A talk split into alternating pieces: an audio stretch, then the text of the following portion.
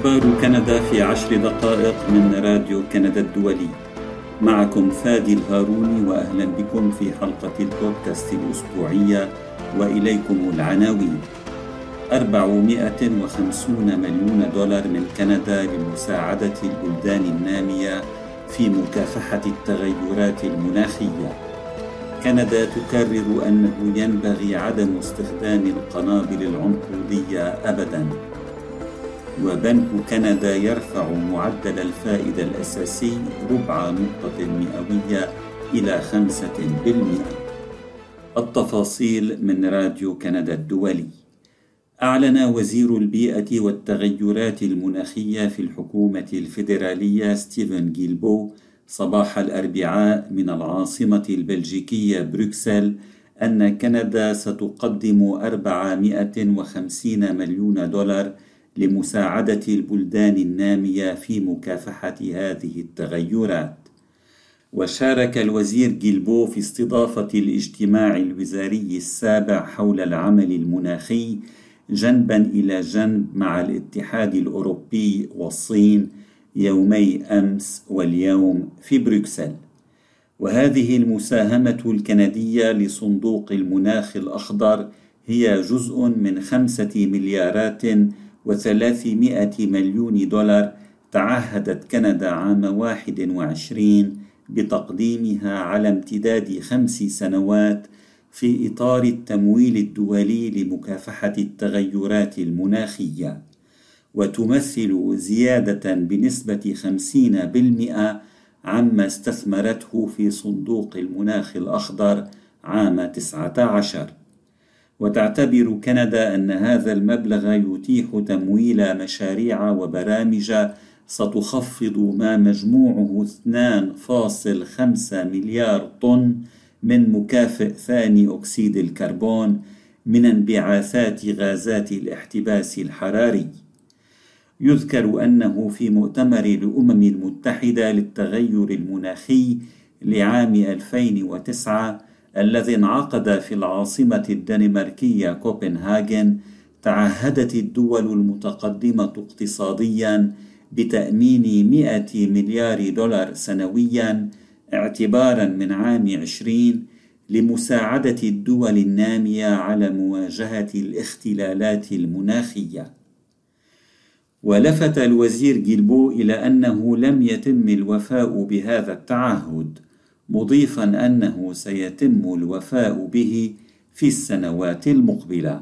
يمكنك الاشتراك في أخبار كندا باستخدام التطبيق الذي تختاره أو عن طريق زيارة موقعنا على الإنترنت راديو trait d'union كندا slash rci قال رئيس الحكومة الكندية جوستن ترودو إن كندا ستواصل العمل بزخم كي لا تستخدم أبدا القنابل العنقودية. وكانت الولايات المتحدة قد أعلنت الأسبوع الفائت وللمرة الأولى تزويد أوكرانيا بقنابل عنقودية لمساعدتها في صد الغزو العسكري الروسي لأراضيها. وجاء كلام ترودو في مؤتمر صحفي عقده يوم الاثنين في العاصمة اللاتفية ريغا عشية بدء قمة منظمة حلف شمال الأطلسي في فيلنيوس عاصمة ليتوانيا المجاورة. وأضاف ترودو أن كندا تلتزم بالاتفاقية الدولية التي تحظر استخدام هذه القنابل التي تنثر عبوات ناسفة صغيرة فوق مساحة شاسعة. وبعض هذه العبوات لا ينفجر عند اصطدامه بالأرض لكنه قد ينفجر بعد عدة سنوات متسببا بمقتل مدنيين. وتناول رئيس الحكومة الكندية هذه المسألة الدقيقة عندما سئل ما إذا كان سيضغط على إدارة الرئيس الأمريكي جو بايدن كي تحجم عن إرسال هذه القنابل إلى أوكرانيا. أو ما إذا كان سيطلب من رئيس أوكرانيا فولوديمير زيلينسكي عدم استخدامها. وكانت كندا في تسعينيات القرن الفائت رائدة الجهود الدولية لحظر الألغام المضادة للأفراد والمعاهدة الدولية لحظر الألغام المضادة للأفراد لعام 97 تعرف أيضا بمعاهدة أوتاوا. وكانت كندا أيضا من بين الدول الأكثر حماسا في التوقيع على اتفاقية الذخائر العنقودية لعام 2008 ولم توافق الولايات المتحدة ولا أوكرانيا على هذه الاتفاقية. ويقول التحالف المناهض لاستخدام الذخائر العنقودية إن روسيا وأوكرانيا استخدمتا مثل هذه القنابل في الحرب الدائرة بينهما على الرغم من أن هذه القنابل قادرة على تشويه المدنيين أو قتلهم حتى بعد مرور عقود من الزمن على إلقائها. أنت تستمع إلى أخبار كندا في عشر دقائق البودكاست الأسبوعي من راديو كندا الدولي. حرصا منه على إعادة التضخم السنوي إلى هدفه البالغ 2% رفع بنك كندا يوم الأربعاء معدل الفائدة الأساسي ربع نقطة مئوية إلى خمسة بالمئة. وهذا أعلى مستوى لهذا المؤشر المرجعي الذي يمثل سعر الفائدة لليلة واحدة بين المصارف منذ نيسان أبريل 2001 وهذه الزيادة تعني أن القروض الشخصية وقروض السيارات وخطوط الائتمان والقروض العقارية بفائدة متغيرة ارتفع سعرها بشكل فوري. وفي بيان أصدره أوضح المصرف المركزي أنه على الرغم من التباطؤ في التضخم العالمي الذي يعزى إلى تراجع أسعار النفط والطاقة وارتفاع أسعار السلع فإن قوة الطلب والتوترات في أسواق العمل تؤدي إلى ضغوط تضخمية مستمرة في قطاع الخدمات.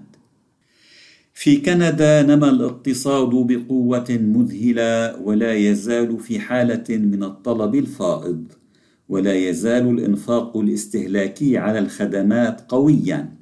أما بالنسبة للإنفاق على السلع الذي يكون في العادة حساسا تجاه سعر الفائدة فقد تباطأ لكن ليس بالقدر الذي كنا نتوقعه قال حاكم بنك كندا تيف ماكلن وبالتالي اختار الحاكم أن يرفع مستوى التشدد في محاولة لتهدئة الطلب في كندا. أنت تستمع إلى البودكاست الأسبوعي من راديو كندا الدولي. تم التوصل أمس إلى اتفاق بين الاتحاد الدولي لعمال الشحن والتفريغ وأمناء المخازن في كندا من جهة وبين جمعية أرباب العمل البحريين في بريتش كولومبيا من جهة أخرى. وذلك بعد ثلاثة عشر يوما من إضراب عمالي شل الحركة في أكثر من ثلاثين مرفأ على ساحل كندا الغربي. جمعية أرباب العمل قالت أمس في بيان إن عقد العمل الجماعي الجديد سيكون صالحا لمدة أربع سنوات وإنه لن يتم الكشف عن تفاصيل الاتفاق في الوقت الراهن. وقبل صدور البيان بقليل كان العمال قد بدأوا العودة إلى العمل. وكان حوالي سبعة آلاف وأربعمائة عضو في نقابة العمال قد صوتوا بأغلبية ساحقة لصالح الإضراب الذي بدأ في الأول من تموز يوليو مطالبين بتحسين أجورهم في مواجهة ارتفاع تكاليف المعيشة وبتدابير ضد الأتمة والتعاقد من الباطن. حلقة البودكاست لهذا الأسبوع انتهت. شكرا لإصغائكم. thank you